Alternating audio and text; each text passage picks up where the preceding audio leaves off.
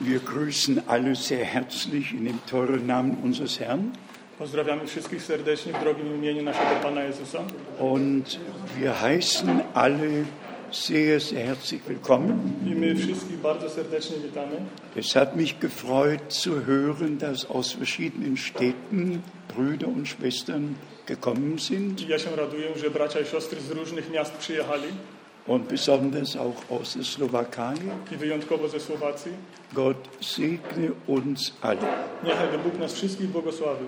Wir werden wie immer Gottes Wort zu uns sprechen lassen. My pozwolimy jak zawsze, ażeby Słowo Boże do nas przemawiało. Wir sind ja in einem besonderen Zeitabschnitt in der Geschichte angekommen. My jesteśmy w wyjątkowym czasie historii.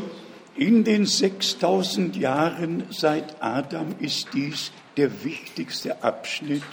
Poprzez te 6 tysięcy lat od Adama jest to teraz najważniejszy odcinek czasu. Es waren 2000 Jahre von Adam bis Abraham. Były 2000 lat od Adama do Abrahama. Es waren 2000 Jahre von Abraham bis Christus. Było 2000 lat od Abrahama do Chrystusa. Und wieder sind 2000 Jahre vergangen. I znowu przeminęło 2000 lat. Und in Offenbarung 20 wird fünfmal vom tausendjährigen Reich gesprochen. I w objawieniu 20 jest pięć razy mówione o y, tysiącletnim królestwie. Und im Propheten Joel I u proroka Joela, in Apostelgeschichte 2, w dziejach apostolskich 2, in Hebräer Kapitel u 1 Hebrajczyków y, 1-2 lesen wir von den letzten Tagen. czytamy o ostatnich dniach. Gott wird seinen Geist ausgießen über alles Fleisch in den letzten Tagen. że Pan Bóg wyleje swojego ducha na wszelkie ciało w dniach ostatecznych. Und Gott hat durch die Propheten geredet in den letzten Tagen in seinem Sohn. I Bóg mówił poprzez proroków e, w tych ostatecznych dniach, poprzez swojego Syna. In Hosea, dem sechsten Kapitel, lesen wir, U Ozeasza 6 czytamy, das Volk Israel betreffend, co dotyczy się ludu izraelskiego. nach zwei Tagen werde ich euch wieder heimbringen, Po dwóch dniach zgromadzę was znowu. am dritten Tage werdet ihr vor meinem Angesicht leben. A trzeciego dnia będziecie przed moim obliczem żyli. In Psalm 90 lesen wir, W Psalmie 90 czytamy, Im 2. Petrus 3, Vers 8 lesen wir, w drugim liście Piotra, w trzecim rozdziale, w ósmym wierszu czytamy, ein Tag bei Gott ist wie unsere tausend Jahre. jeden dzień u Boga jest jak tysiąc lat u nas. Und nach den 6000 Jahren bleiben nur noch 1000 Jahre I übrig. po tych sześciu tysiącach lat zostaje jeszcze jeden tysiąc lat. Nach den sechs Tagen bleibt nur noch ein Tag übrig. Po tych sześciu dniach zostaje tylko jeden. Und das ist der Tag des Herrn. I to jest ten dzień Pana. Und Gott hat verheißen, dass er uns einen Propheten senden I wird, Bóg obiecał, że On nam pośle proroka, ehe der große und schreckliche Tag des Herrn kommt. zanim ten wielki i straszny dzień Pana przyjdzie. Und wir sind überzeugt, dass die Schrift erfüllt wurde I my jesteśmy przekonani, że Pismo zostało wypełnione und dass Gott sein Wort gehalten und erfüllt hat. i że Bóg dotrzymał swojego słowa i wypełnił je. Und dass es wichtig ist, dass wir Anteil an dem haben, was Gott gegenwärtig tut. I przepraszam, to jest bardzo ważne, ażebyśmy mieli udział w tym, co Bóg czyni w naszym czasie. Wie ich gestern bereits gesagt habe, Jak ja już wczoraj powiedziałem, wahrer Glaube ist in den Verheißungen Gottes verankert. y, prawdziwa wiara jest zakotwiczona w obietnicach Bożych. Zuerst gibt Gott Verheißungen Najpierw daje Bóg obietnicę Und dann erfüllt er, was er verheißen hat. i później wypełnia on to, co on obiecał. Abraham lebte im Land der Verheißung Abraham żył w kraju obiecanym zusammen mit Isaak und Jakob. razem z Izakiem i Jakubem. Wer Hebräer 11 liest, kann das sehr gut nachvollziehen. Kto czyta Hebrajczyków 11 może to dobrze widzieć. Und von ferne begrüßten sie die Verheißungen, I z daleka witali te obietnice. haben die Erfüllung nicht gesehen. Oni nie widzieli wypełnienia tych obietnic. Wir haben sie gesehen. ale my mogliśmy je widzieć.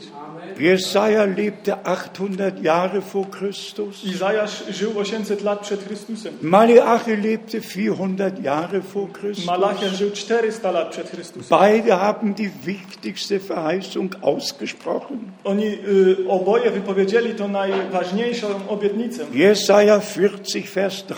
Izajasz 40, wiersz 3. Eine Stimme erschallt in der Wüste. Głos wołającego na pustyni. Bahnet dem Herrn einen Weg.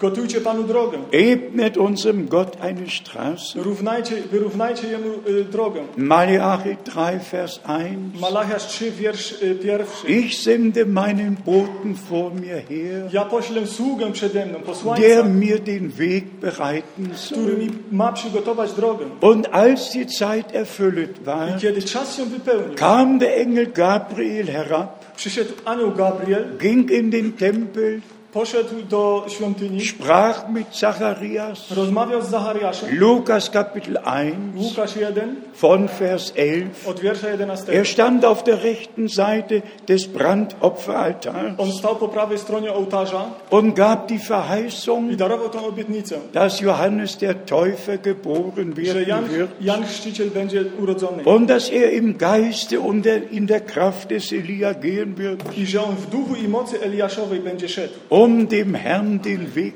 zu bereiten. ażeby Panu tą drogę przygotował. Hier haben wir das Urgewalt, das Gewaltige, das Gewaltige. Tutaj mamy to potężne. Es gibt Propheten und Apostel in der Gemeinde Jesu Christi. Są prorocy i apostołowie w zborze Jezusa Chrystusa.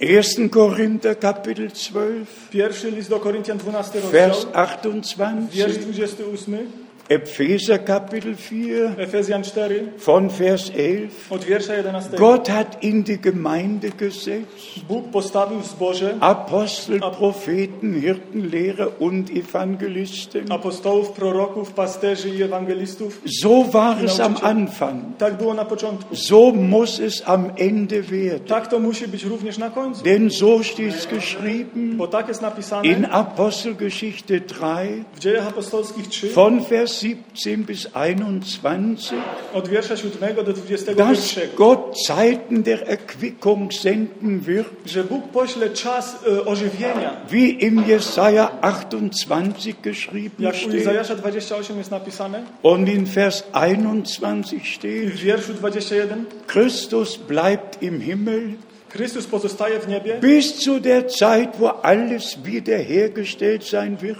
tak długo, aż wszystko zostanie odnowione, bis alles wieder in den rechten Stand zurückgebracht wurde. aż wszystko zostanie przyniesione do tego prawidłowego stanu. Und das hat der Herr bestätigt I Pan to potwierdził. in Matthäus 17, Vers 11. U Mateusza 17, 11. Elia kommt zuerst Eliasz przyjdzie najpierw und wird alles wieder in den rechten Stand bringen. i wszystko doprowadzi do tego pierwotnego, właściwego stanu. Genauso in Markus Kapitel 9, Tak samo jak u Marka 9, Vers 12. wiersz 12. Elia kommt zuerst Elia- Eliasz przyjdzie w pierwszy und wird alles wieder in den rechten Stand bringen. i wszystko doprowadzi do pierwotnego stanu. Hier haben wir nicht nur in der Gemeinde Apostel und verschiedene Dienste, My nie mamy tylko w zborze apostołów i różne służby, sondern einen verheißenen Propheten. tylko obiecanego proroka. Und das müssen wir einfach biblisch I to einordnen. musimy biblijnie y, uporządkować. Was gehört zur lokalen Gemeinde? Co należy się do zboru lokalnego? Welche Dienste hat Gott in die Gemeinde gesetzt? Jakie służby y, położył Pan do zboru? Was muss alles zurückerstattet werden? Co musi być odnowione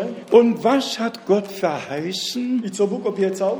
Und zwar in Verbindung mit dem letzten Teil der I Heilsgeschichte. mianowicie w związku z ostatnim odcinkiem z, y, historii zbawienia. Wenn Gott uns die Verheißung gegeben hat, Jeżeli Bóg nam darował tą obietnicę im Alten w Testament, Starym Testamencie im Neuen bestätigt, i w Nowym to pod, ją dann potwierdzi, müssen wir darauf achten. to musimy na to zważać. Dann ist es Gott, der die Verheißung gab To jest Bóg, który dał tą obietnicę und der seine Verheißung er- eingelöst hat. i On jest tym, który wypełnił tą obietnicę. Und so hat Bruder Brennim den Auftrag bekommen, I tak samo dostał e, nakaz brat Branham am 11. Juni 1933, 11 czerwca 1933 roku, wie Johannes der Täufer dem ersten Kommen Christi vorausgesandt wurde, jak Jan Chrzciciel został posłany przed e, pierwszym przyjściem Jezusa Chrystusa, so wirst du mit einer Botschaft gesandt, tak będziesz ty posłany z poselstwem,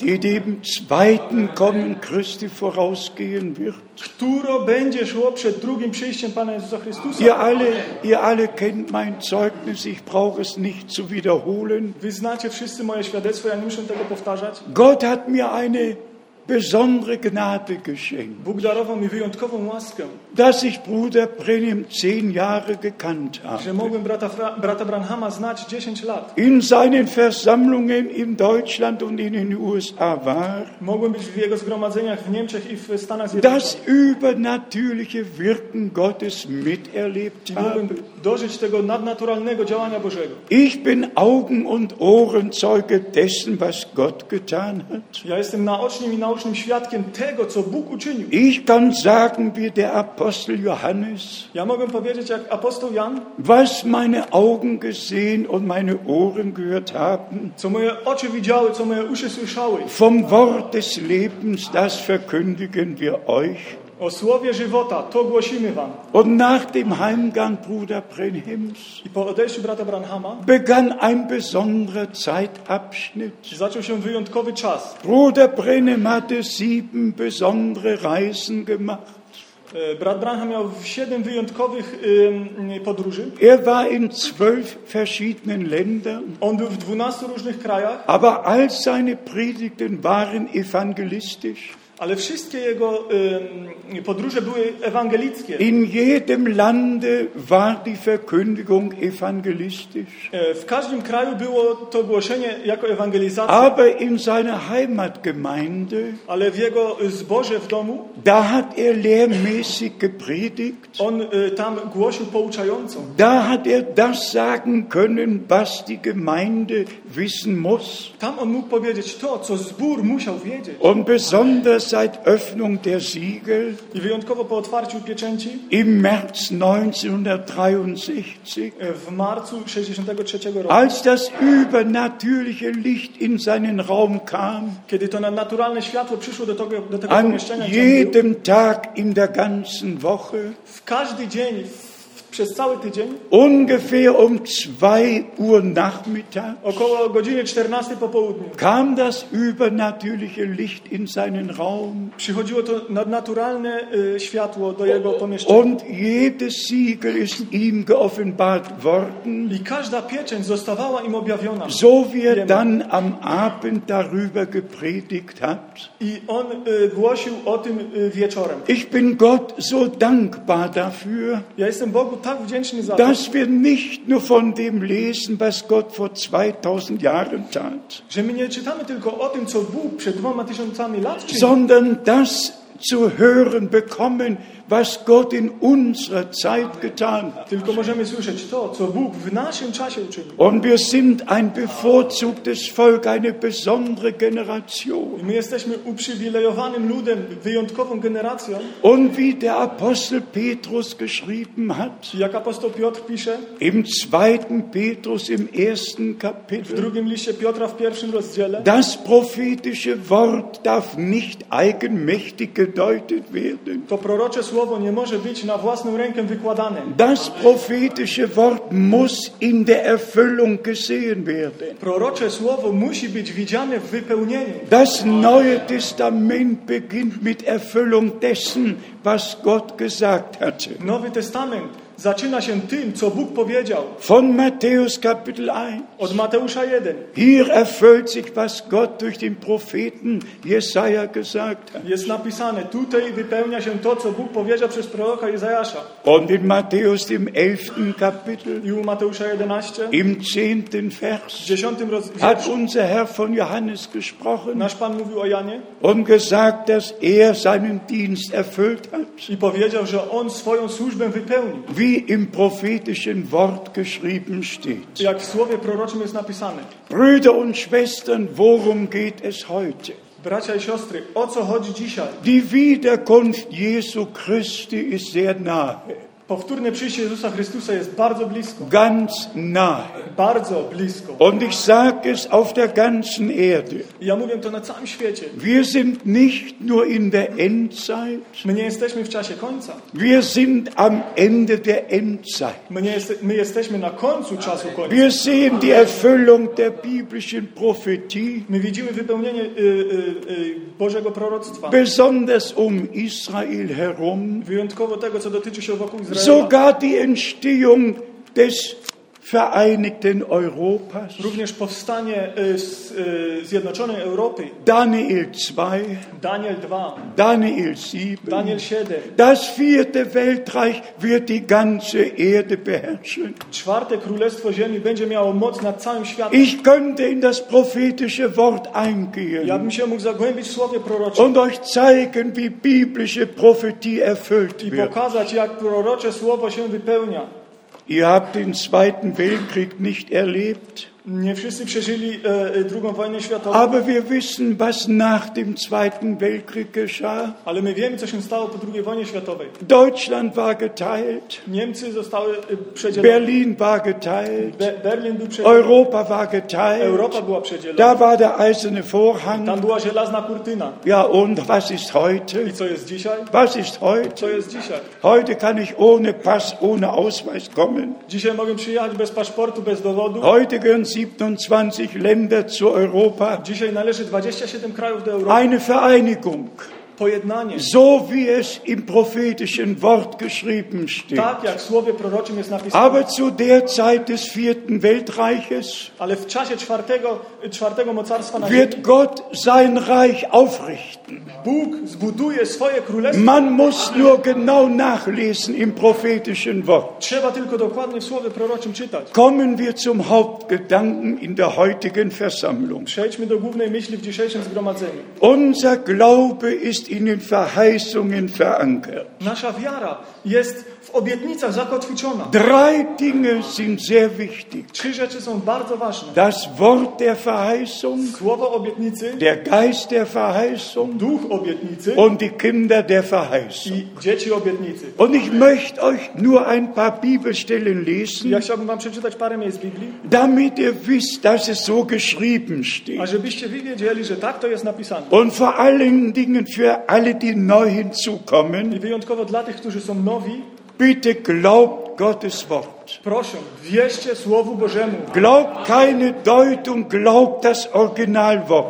Nie wierzcie żadnej interpretacji, wierzcie oryginalnemu słowu. Zurück zum Anfang. z powrotem do początku. Und auch das sage ich auf der ganzen Erde. I to również mówię na całym świecie. Die erste und letzte Predigt müssen übereinstimmen. Pierwsze i ostatnie kazanie musi się zgadzać, musi być Die takie samo. erste und letzte Taufe muss übereinstimmen.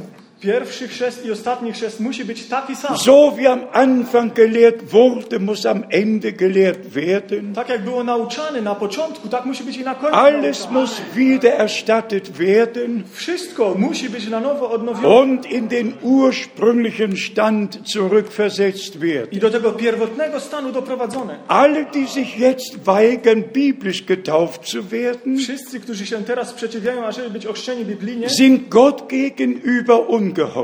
są e, nieposłuszni Bogu. Und das will ich euch schnell I vorlesen. to chciałbym wam szybko przeczytać. In den Tagen Johannes des W Täufers dniach Jana Chrzciciela ließen sich alle taufen, wszyscy da, dali się ochrzcić. nur die Schriftgelehrten nicht. Tylko nauczeni w Piśmie. się Das dali. waren diejenigen, die das Volk irregeführt To haben. byli właśnie ci, którzy wprowadzali cały lud w błąd. Und deshalb möchte ich euch das lesen. Dlatego chciałbym wam to przeczytać. Und zwar zuerst aus Johannes dem achten Kapitel, Mianowicie najpierw z Ewangelii Jana 8 rozdział, Vers 47. wiersz y, 70. Das Wort y, ist an 47, uns przepraszam. gerichtet. To słowo jest skierowane do nas. Bitte lies es, ja? Kto z Boga jest, słów Bożych słucha. Wy dlatego słuchacie, bo wy dlatego nie słuchacie, przepraszam, bo z Boga nie jesteście. Das ist ein ganz wichtiger Ausspruch. To To jest bardzo ważna wypowiedź. Wer aus Gott geboren Kto ist, jest z Boga zrodzony, wer wiedergeboren ist durch den Geist und das Wort Gottes, kto jest z, z, poprzez Słowo i poprzez Ducha zrodzony, der hat die Verbindung zu Gott. on ma ten kontakt do Boga. Und er wird das, was Gott gesagt hat, auf und annehmen. I on przyjmie to, co Pan powiedział. Auf alle anderen trifft zu, Do wszystkich innych jest dass skierowane der to, natürliche Mensch die Dinge des Geistes nicht annimmt. że ten naturalny, cielesny człowiek nie może przyjąć duchowych rzeczy. Der natürliche Mensch begreift die geistlichen Dinge nicht. Ten ziemski człowiek nie pojmuje tych duchowych rzeczy. Ich werde es euch gleich Ja lesen. to zaraz wam przeczytam, Aber zuerst Lukas Kapitel ale 7. najpierw jeszcze z Łukasza 7. Lukas Kapitel Łukasz 7. 7 rozdział. Hier lesen wir Vers 30. Tutaj czytamy wiersz 30. Ja. Mhm. Łukasz 7 rozdział 30 Ja. Mhm. wiersz. Natomiast faryzeusze i uczeni w zakonie wzgardzili postanowieniem Bożym Mhm. o nich samych, bo nie dali się przez niego ochrzcić. Man überlege für einen Moment, Trzeba sobie tylko krótko y, y, pomyśleć, weil sie sich nicht taufen ließen, dlatego że oni się nie dali ochrzcić. haben sie den Ratschluss Gottes verworfen. Oni odrzucili zakon, y, y, y, y, y, y, Mit Plan Bogen. Plan Boży, przepraszam. Ja. Und deshalb sind sie für immer irre gegangen. I dlatego na, na zawsze zbłądzili, Bis auf den heutigen Tag. aż do dnia dzisiejszego. Brüder und Schwestern, Drodzy bracia i siostry, Wer sich jetzt nicht biblisch taufen lässt, kto się teraz nie da ochrzcić biblijnie, der bleibt in der Taufe der Denominationen. on pozostanie w chrzcie denominacji.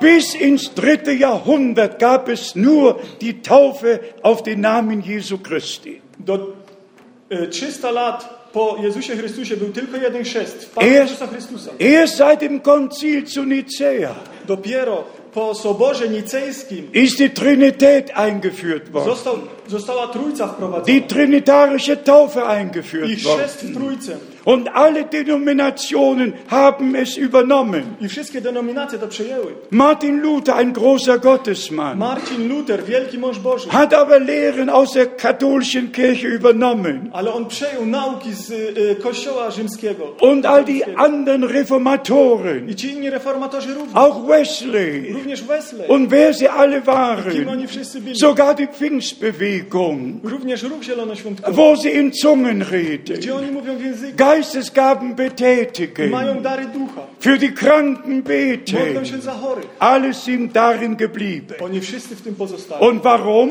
I dlaczego? Weil sie nicht den Ruf Gottes gehört haben. Bo oni nie słyszeli wołania Bożego. weil sie nicht den Dienst angenommen haben, den Gott gegeben Bo hat. oni nie przyjęli tej służby, którą Pan posłał i darował. Ich kenne alle großen Evangelisten der USA. Ja znam wszystkich wielkich ewangelistów z, e, ze Stanów Ich Zjednoczonych. habe an ihren Tagungen Ja teilgenommen miałem udział w ich zgromadzeniach in den 50er w Jahren. latach 50. Ich kenne sie alle, Ja ich wszystkich znam. habe sie übersetzt. Ja ich tłumaczyłem. Große Evangelisten, Wielcy ewangeliści. große Programme, Wielkie programy. aber nicht ein einziger Ale żaden z nich hat gepredigt wie nie Petrus. głosił jak Piotr. Tut Buße und lasse sich ein jeglicher von euch taufen. I mówił, pokutujcie i niechaj każdy się da, z- da z was ochrzcić. Alle haben das gepredigt, wonach die Ohren gehört haben wollen.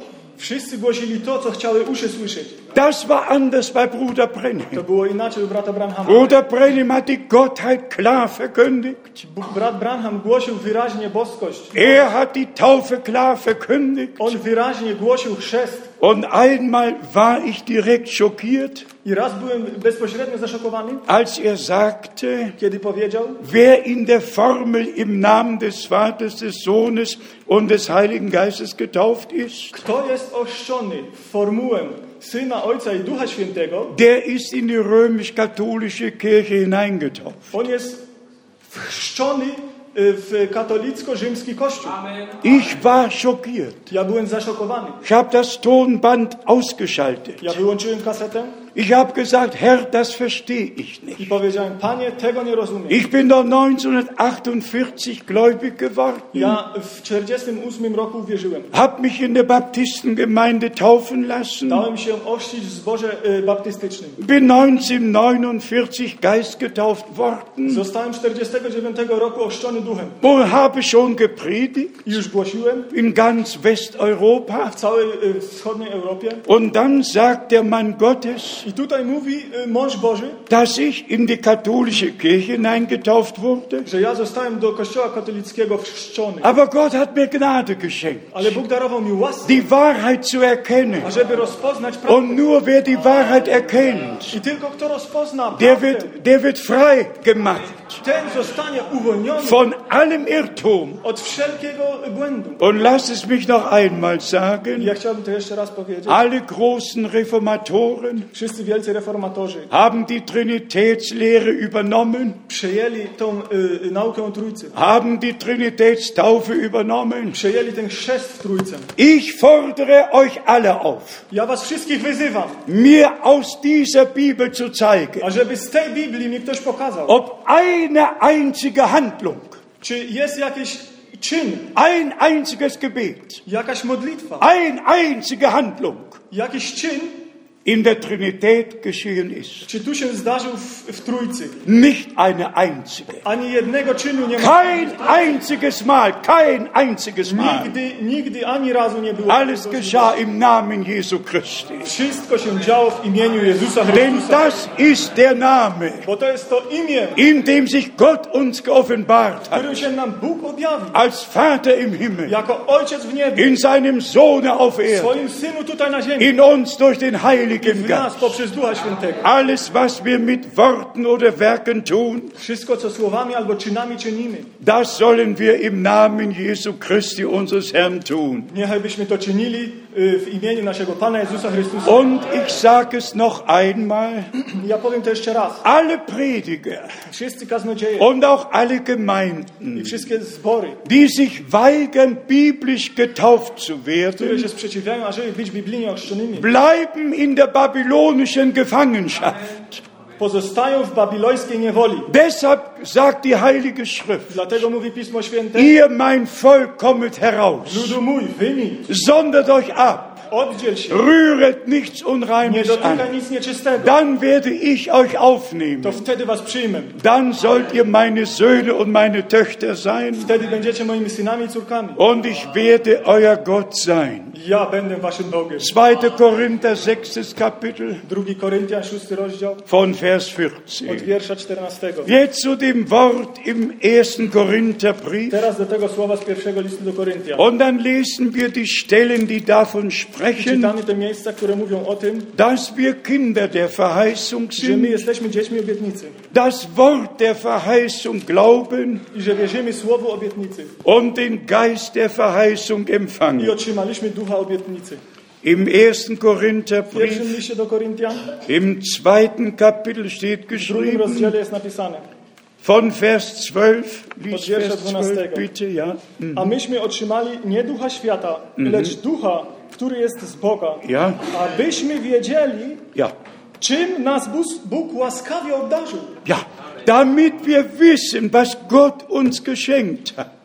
Abyśmy wiedzieli, czym Bóg nas objawił. Und Vers I 13, wiersz 13. Ja. Głosimy to nie w oczach, y, nie w uczonych słowach ludzkiej mądrości, lecz w słowach, których naucza duch, aha, przyk- przykładając do duchowych rzeczy duchową miarę. aha, aha. Und in Vers I w 14, wierszu 14. ja, Lecz człowiek zmysłowy nie przyjmuje tych rzeczy, które są z Ducha Bożego, Ale- bo są dlań głupstwem i nie może ich poznać, gdyż należy je duchowo rozsądzać. aha. Und Vers 15, I wiersz 15. Człowiek zaś duchowy rozsądza wszystko, sam zaś nie podlega niczyjemu osądowi. Brüder und Schwestern, das wünsche ich uns allen heute, Drodzy bracia i siostry, ja życzę to dzisiaj wszystkim, dass wir geistlich gesonnen sind, ażebyśmy byli e, e, duchowi, dass wir alles eigene Denken beiseite legen, ażebyśmy nasze własne myśli odrzucili, dass unsere Gesinnung die Gesinnung Jesu Christi wäre, ażeby nasze myśli, nasz zmysł był zmysłem Jezusa Chrystusa, dass die Gedanken Gottes in uns aufgenommen werden. aby te myśli Boże były w nas przyjęte. In Jesaja 55 spricht der Herr, U Izajasza 55 mówi Pan, meine Gedanken sind nicht eure Gedanken, moje myśli nie są waszymi myślami, eure Wege sind nicht meine Wege. wasze drogi nie są moimi Aber drogami, dann führt der Herr uns zurück ale później przyprowadza nas Pan auf z powrotem seinen Weg, na swoją drogę, in sein Wort, do swojego in słowa, seine Gedanken. do Jego swoich myśli Und er lässt uns seine Wege wissen. i On pozwala nam znać je. und offenbart uns sein Wort durch den Heiligen Geist, I On nam objawia swoje słowo poprzez Ducha Świętego, um uns den Unterschied zu zeigen a żeby nam pokazać tą różnicę zwischen Berufen und Auserwählung. między powołaniem a wybraniem. Lasst uns in Römer dem neunten Kapitel lesen. Chcielibyśmy u Rzymian 9 czytać, Römer 9. Kapitel, Rzymian Vers 9 6. rozdział, wiersz 6. Vers 6. Ja. Ale nie jest tak, jakoby miało zawieść Słowo Boże. Albowiem nie wszyscy, którzy chod- pochodzą z Izraela, są Izraelem. Aha. Nicht alle, die Israel sind, sind Israel. Nie wszyscy, którzy są z Izraela, są Izraelitami. Und dann lesen wir in Vers 7. I tak czytamy w wierszu siódmym. I nie wszyscy są dziećmi, dlatego że są potomstwem Abrahama, Abrahamowym, Aha. lecz jest tak. Od Izraela zwać się będzie potomstwo Twoje. Aha. Und jetzt noch Vers 8. Teraz jeszcze wiersz ósmy. To znaczy, że nie dzieci cielesne są dziećmi bożymi, Aha. lecz dzieci obietnicy liczą się z po, z poto, za potomstwo.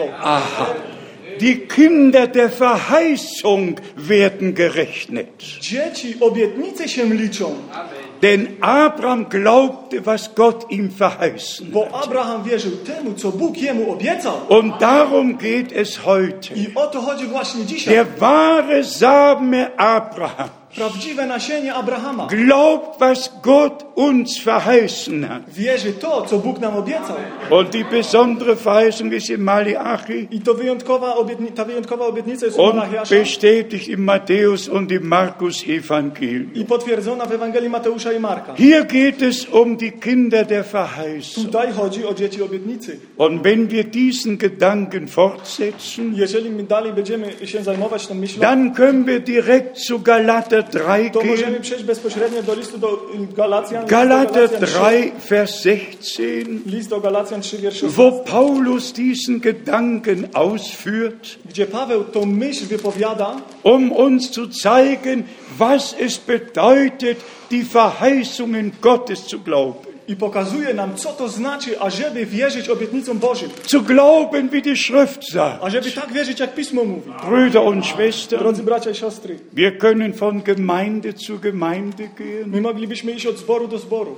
Wir haben jetzt 350 protestantische My Glaubensrichtungen mamy 350 różnych protestanckich kierunków wiary. und alle sind im Weltkirchenrat vereinigt I wszyscy są zjednoczeni w, ra- w Światowej Radzie Kościołów. und alle haben die Bibel I wszyscy mają Biblię. und alle haben unterschiedliche Lehren I wszyscy mają różne nauki. und alle schauen nach Rom. I wszyscy spoglądają do Rzymu. Wir schauen nicht nach My Rom, nie spoglądamy do Rzymu. wir schauen nach Jerusalem, Spoglądamy na Jeruzalem, weil das geschrieben steht, bo jest napisane. Jesaja 2. Izajasz 2. Das Wort des Herrn wird ausgehen von Jerusalem Słowo Pana wyjdzie z Jeruzalemu. und die Belehrung vom Berge Zion. I nauka z góry Syjon. Die Ausgießung des Heiligen Geistes hat in Jerusalem Wylanie stattgefunden. Ducha Świętego miało miejsce w Jeruzalemie. Und das Wort des Herrn ist I ausgegangen. słowo Pana wyszło stamtąd. Und die erste Predigt wurde gehalten. I pierwsze kazanie y, było mówione. 16 verschiedene Nationalitäten waren Völker 16 ró- różnych narodowości tam było. und haben das Wort des Herrn I gehört. oni słyszeli słowo Pana. Jetzt hören alle Nationen das Wort des Herrn. Wszystkie narody słuchają słowa Pana. In Galater, dem dritten U Kapitel, Galacjan w trzecim rozdziale, im 16. Vers lesen w wierszu wir, 16 czytamy. Galater 3, 16, Galacjan 3,16. ja, mhm, ja, Vers, Galater, Tak. Otóż obietnice dane były Abrahamowi Mhm. Ja. i potomkowi jego. Pismo nie mówi i potomkom jego Mhm. jako wielu, jako o wielu, lecz jako o jednym Aha. i potomkowi twemu, a tam jest Chrystus, a tym jest Chrystus. erst der Same in der Einzahl, Najpierw to nasienie w, po, w liczbie pojedynczej. das ist 1. Mose 3, Vers To 15, jest pierwsza Mojżeszowa 3.15, wo die erste Verheißung gegeben wurde, gdzie ta pierwsza obietnica została darowana. dass der Same Gottes kommen würde, Że nasienie Boże przyjdzie um der Schlange den Kopf zu zertreten. ażeby dla węża głowę zmiażdżył. Und dieser Same ist Christus. I tym nasieniem jest Chrystus. Und wir sind der Same Gottes in der Mehrzahl. I my jest, a my jesteśmy nasieniem Bożym w liczbie mnogiej. Wir lesen Vers 19 in Galater My 3. czytamy teraz wiersz e, 19 u Galacjan 3. Ja, bitte, ja. Czymże więc jest zakon? Mhm. Został on dodany z powodu przest- przestępstw Mhm. aż do przyjścia potomka, Aha. którego dotyczy obietnica, a Mhm. został on dany przez aniołów do rąk pośrednika. Mhm. Und jetzt lesen wir gleich Galater 4. I teraz czytamy Galacjan 4, Galater 4, Vers 23. Galacjan 4, wiersz 23. Lecz ten, który był z, z niewolnicy, według ciała się urodził. Ten zaś, który był z wolnej na podstawie obietnicy. Aha. Und jetzt noch Vers I teraz 28. jeszcze wiersz 28 z Galacjan 4. Ja, Vers 28. Wy zaś, bracia, podobnie jak Izak, dziećmi obietnicy jesteście. Kinder der Verheißung. Dziećmi obietnicy. glauben das Wort der Verheißung Wierzymy słowu obietnicy. und empfangen den Geist der I Verheißung. otrzymujemy ducha obietnicy. Epheser Kapitel 1, Efezjan pierwszy rozdział, Epheser Kapitel 1, Vers 13. Efezjan pierwszy rozdział, 13 wiersz. Ja, W nim i wy, którzy usłyszeliście słowo prawdy, aha, Ewangelię zbawienia waszego ja, i uwierzyliście w niego, zostaliście zapieczętowani obecnym Duchem Świętym. mit dem verheißenen Heiligen Geist Vers 7. Obiecanym Duchem Świętym. Nachdem wir das Wort der Wahrheit gehört haben, Potem, kiedy słyszeliśmy słowo prawdy, nachdem wir herausgerufen wurden, potem, kiedy zostaliśmy wywołani, nachdem wir abgesondert wurden, potem, kiedy byliśmy oddzieleni, nachdem wir die babylonische Gefangenschaft verlassen haben, Potem, kiedy opuściliśmy babilońską niewolę, den Ruf Gottes gehört haben, słyszeliśmy to wołanie Boże, die Botschaft der Stunde geglaubt haben, to poselstwo tej godziny, uwierzyliśmy je das Wort der Wahrheit i aufgenommen słowo haben. prawdy przyjęliśmy. Und wie unser Herr sagte, I jak nasz Pan powiedział, ihr werdet die Wahrheit erkennen wy rozpoznacie prawdę und die Wahrheit wird euch frei machen. i prawda was uwolni. Nicht der Prediger, Nie kaznodzieja, das Wort, die Wahrheit. słowo, prawda, Denn das Wort dringt hindurch. bo słowo przenika. Das Wort ist ein zweischneidiges Schwert. Słowo jest mieczem obusiecznym. Und er sagte auch, I Pan powiedział również, das Wort, das aus meinem Munde hervorgeht, słowo, które wychodzi z moich ust, wird nicht leer zu mir ono zurückkehren, nie wróci puste z powrotem do mnie, sondern ausrichten, wozu es gesandt wurde. tylko ono uczyni to, po co ono zostało posłane. Gott sandte sein Wort und machte sie gesund.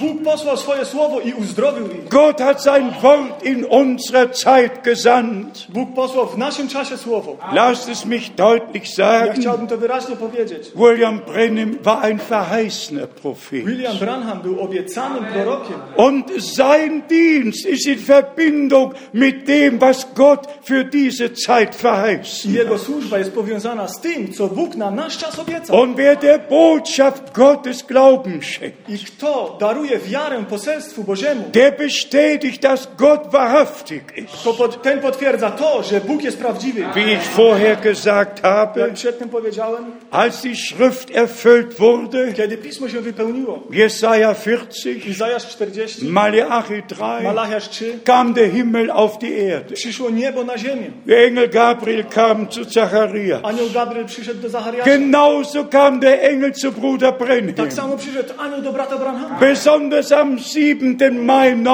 1946. Wyjątkowo 7 maja 64 roku. Er saß da, es war ungefähr 11 Uhr abends. To było około 11 godziny Er wieczorem. gibt die genaue Beschreibung On go dokładnie opisuje. und was der Engel des Herrn ihm I gesagt co hat. ten anioł Pana jemu powiedział? Und wer zur Offenbarung 1 I geht, kto przejdzie do objawienia 1, der liest von Vers 1 bis 3, ten czyta od wiersza pierwszego do trzeciego, dass Gott der Herr seinen Engel gesandt hat, że Bóg posłał swojego anioła, um dem Johannes kundzutun, ażeby Janowi objawił, was geschehen co się ma würde stać. und das, was Gott geoffenbart To, co hat, Bóg obiecał, einem Mann geoffenbart hat, to, co Bóg ob- objawił jednemu war für człowiekowi, alle Knechte Gottes. było dla wszystkich sług Bożych. Gott gebraucht immer einen, Bóg używa zawsze jednego, um sein Wort allen zu bringen, ażeby swoje słowo wszystkim przyjął, bis hin zur Offenbarung aż 22, do objawienia 22, wo unser Herr sagt, gdzie nasz Pan mówi, ich habe meinen Engel gesandt, ja posłałem mojego anioła, um euch das vor den Gemeinden kundzutun. ażeby przed waszymi zborami to objawił. Wir leben tatsächlich in einem ganz besonderen Zeitabschnitt. My żyjemy w wyjątkowym odcinku czasu. Und ich bitte darum, es ernst zu I nehmen. ja proszę, ażeby to było poważnie wzięte. Die Entscheidung, die wir heute treffen, To podjęcie decyzji, które dzisiaj uczynimy, mit der werden wir in die Ewigkeit hinübergehen. z tym podjęciem decyzji przejdziemy do wieczności. Und besonders, wie in Lukas 19 geschrieben I steht, wyjątkowo jest napisane u Łukasza 19, von Vers 41 bis od 44, wiersza 41 do 44, als unser Herr über Jerusalem kiedy weinte nasz Pan płakał nad Jeruzalemem und sagte, wie oft habe ich euch versammeln i wollen. mówi, jak często was chciałem zgromadzić. Und schon, wie in Johannes 1 geschrieben I już jest steht, napisane u Jana 1, Er kam zu den Seinen on przyszedł do tych swoich und die Seinen nahmen ihn nicht i auf. ci swoi go nie przyjęli. Das müssen wir mal ein wenig überlegen. O tym musimy troszkę pomyśleć. 4000 Jahre gewartet, 4000 lat czekali, dass der Messias kommen soll. aż przyjdzie Mesjasz. Es war die Hauptverheißung. To była główna obietnica dla Izraela. 4000 Jahre. 4000 lat. Und als es geschah, I kiedy się to stało, haben sie es nicht erkannt. nie rozpoznali tego. Nach 2000 Jahren Po 2000 lat hat Gott einen prophetischen Abschnitt gegeben, Pan darował odcinek proroczy. hat einen Propheten gesandt. Posłał proroka, wie er es verheißen tak hat. jak on obiecał. Jetzt kommt es darauf an, Teraz chodzi o to, wer ein Ohr hat zu hören, kto ma ucho ku słuchaniu. der höre, was der Geist in Gemeinden sagt. Niechaj słucha tego, co Duch mówi do zboru.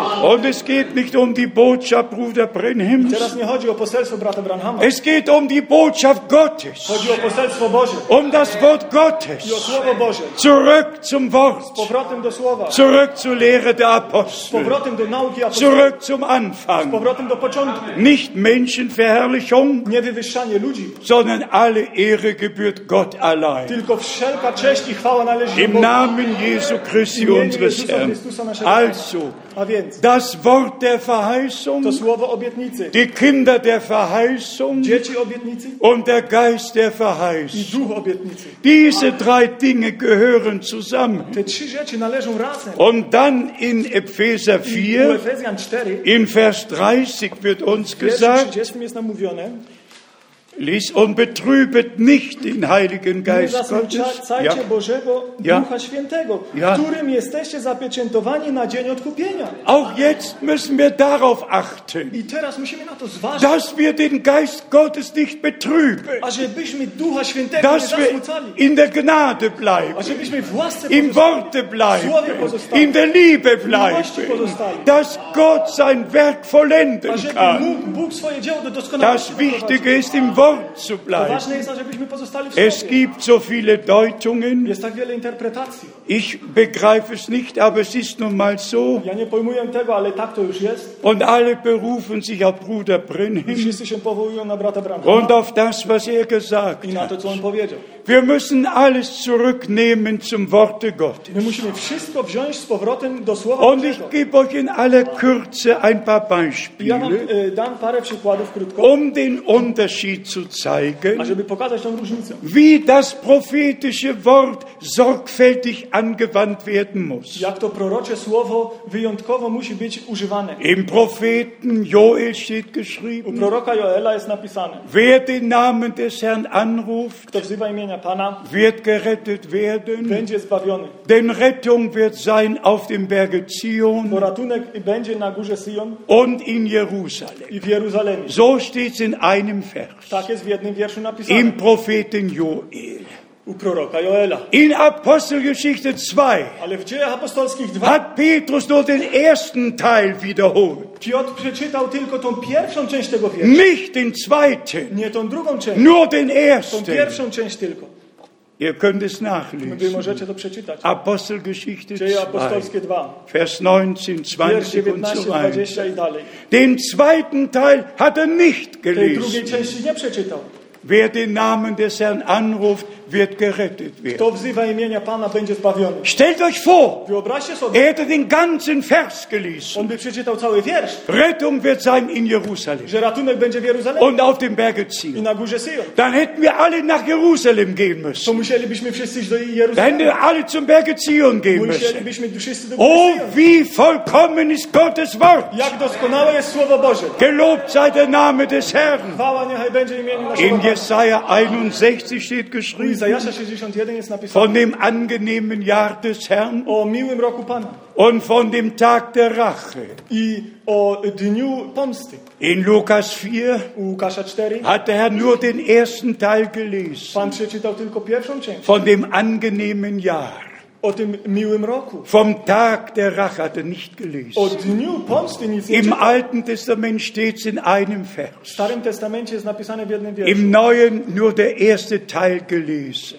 E, W Nowym Testamencie tylko tą pierwszą część Genauso czytał. ist es mit Malachi 3, Vers 1. Dokładnie to jest z Malachiaszem 3.1. Da stehen zwei Dinge Tam są geschrieben. napisane w jednym wierszu dwie Siehe, rzeczy. ich sende euch äh, meinen Boten vor mir her, Spójrzcie, ja posyłam sługę przede mną, der mir posłańca, den Weg bereiten soll. który ma mi przygotować drogę. Und zu seinem Tempel wird der Herr kommen, der Engel des Bundes, I do swojej świątyni przyjdzie Pan, anioł przymierza, auf den ihr wartet. na którego czekacie. Und er kommt unfehlbar. I on przyjdzie, y, y, s- y, pewnie, że przyjdzie. Der zweite Teil steht nicht im Neuen Ta Testament. druga część nie jest napisana w Nowym Nur Testamencie, der erste Teil. tylko ta pierwsza część. Siehe, ich sende meinen Boten vor mir her, Spójrzcie, ja posyłam sługę przede der mną, meinen Weg vor mir her bereiten który wird. przygotuje drogę przede mną. Der zweite Teil. drugiej części, Und der Herr, der Engel des Bundes, kommt zu seinem że Tempel. Pan, anioł przymierza, przyjdzie do swojej świątyni. Ist nicht wiederholt Nie jest worden. powtórzony. Und es wird geschehen. Ale to się stanie. Es wird sich erfüllen, wenn die Zeit dafür gekommen ist. Przyjdzie, przyjdzie czas na to. Brüder und Schwestern, dies ist die Zeit, To jest ten czas, wo das Wort Gottes genau eingeteilt wird, gdzie Słowo Boże musi być dokładnie wo wydzielone. alles genau dahin gestellt wird, wo es hingehört. Gdzie wszystko musi być tam postawione, gdzie się należy. Und wer in Offenbarung 11 liest, I kto czyta w objawieniu 11? da heißt es gleich von Anfang Tam an, jest od samego początku napisane. misst den Tempel Gottes und die darin anbeten. Wymierz świątynię Bożą i tych, którzy się w niej modlą.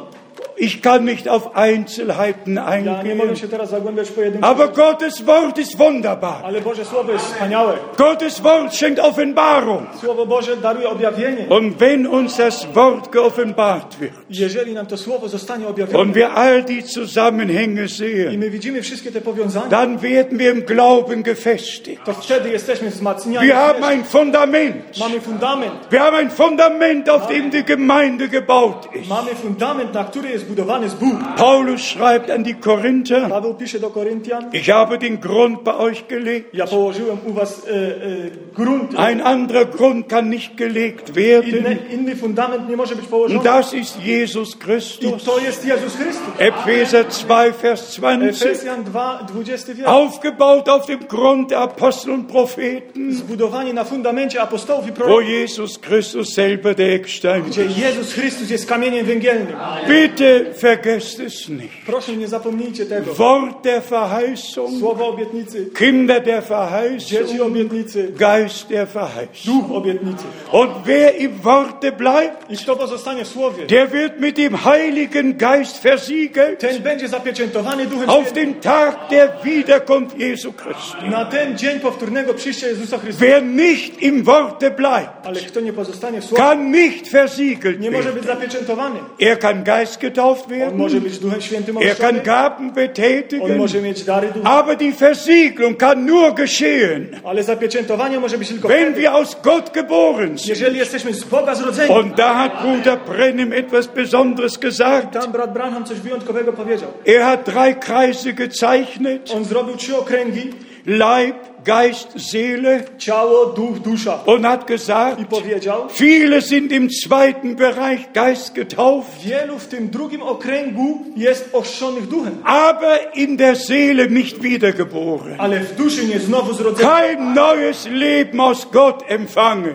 Żadnego nowego życia z Boga Wir nie haben jetzt otrzyma. über 335 Millionen, My mamy ponad 335 milionów, die alle den Anspruch stellen, którzy wszyscy mówią, in der charismatischen Bewegung zu sein, że są w ruchu charyzmatycznym. alle in Zungen reden. Wszyscy mówią w językach, Aber was ist die Realität? ale co jest realnością? Sie alle gehen auf eigenen Wegen. Oni wszyscy idą własnymi Sie drogami. haben die Botschaft nicht erkannt. Oni nie rozpoznali poselstwa. Brüder und Schwestern, Bracia i siostry. es kommt jetzt darauf an, Teraz chodzi o to, ohne jeglichen Fanatismus bez jakiegokolwiek fanatyzmu muss gesagt musi werden, być powiedziane. wer aus Gott geboren ist, To jest z Boga zrodzony. hört die Worte Gottes, Słucha słów, słów hört Bożych. den letzten Ruf, słyszy ostatnio wo- kommt aus Babylon heraus wyjdzie z tego Babilonu. und wird Gott und Gottes Wort glauben. Będzie Bogu i Bożemu Słowu wierzył. Wir glauben nicht nur an Gott, My nie wierzymy tylko w Boga, wir glauben Gott. my wierzymy Bogu. Und das ist der himmelweite Unterschied. To jest ten, ta wielka różnica. Eine Milliarde glaubt an Gott. Miliard ludzi wierzy w Boga. Wir glauben, was Gott gesagt My hat. wierzymy temu, co Bóg powiedział. Tak So wie Abraham glaubte, was Gott gesagt Jak hat. Abraham wierzył, co Bóg powiedział. Und wir sind Kinder der I my Verheißung. jesteśmy dziećmi obietnicy. So erkennen wir aus der Heiligen Schrift, Tak rozpoznajemy z Pisma, z pisma dass Świętego, Bruder Brennim ein verheißener Prophet war. że brat B- Branham był obiecanym prorokiem Die Schrift musste sich i erfüllen, Pismo musiało się wypełnić. so wie im Propheten Joel Jak u geschrieben proroka steht. Joela jest napisane,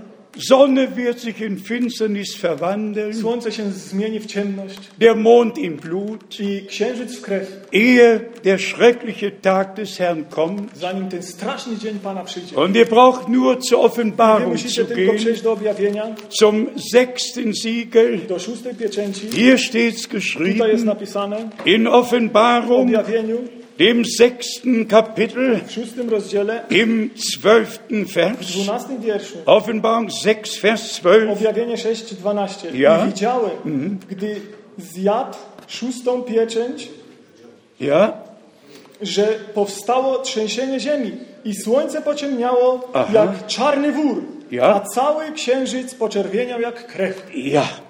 Einleitung in den Tag des Herrn, Wprowadzenie do Dnia Pana, wenn das sechste Siegel Realität wird. kiedy szósta pieczęć stanie się realnością. Viele Brüder haben missverstanden.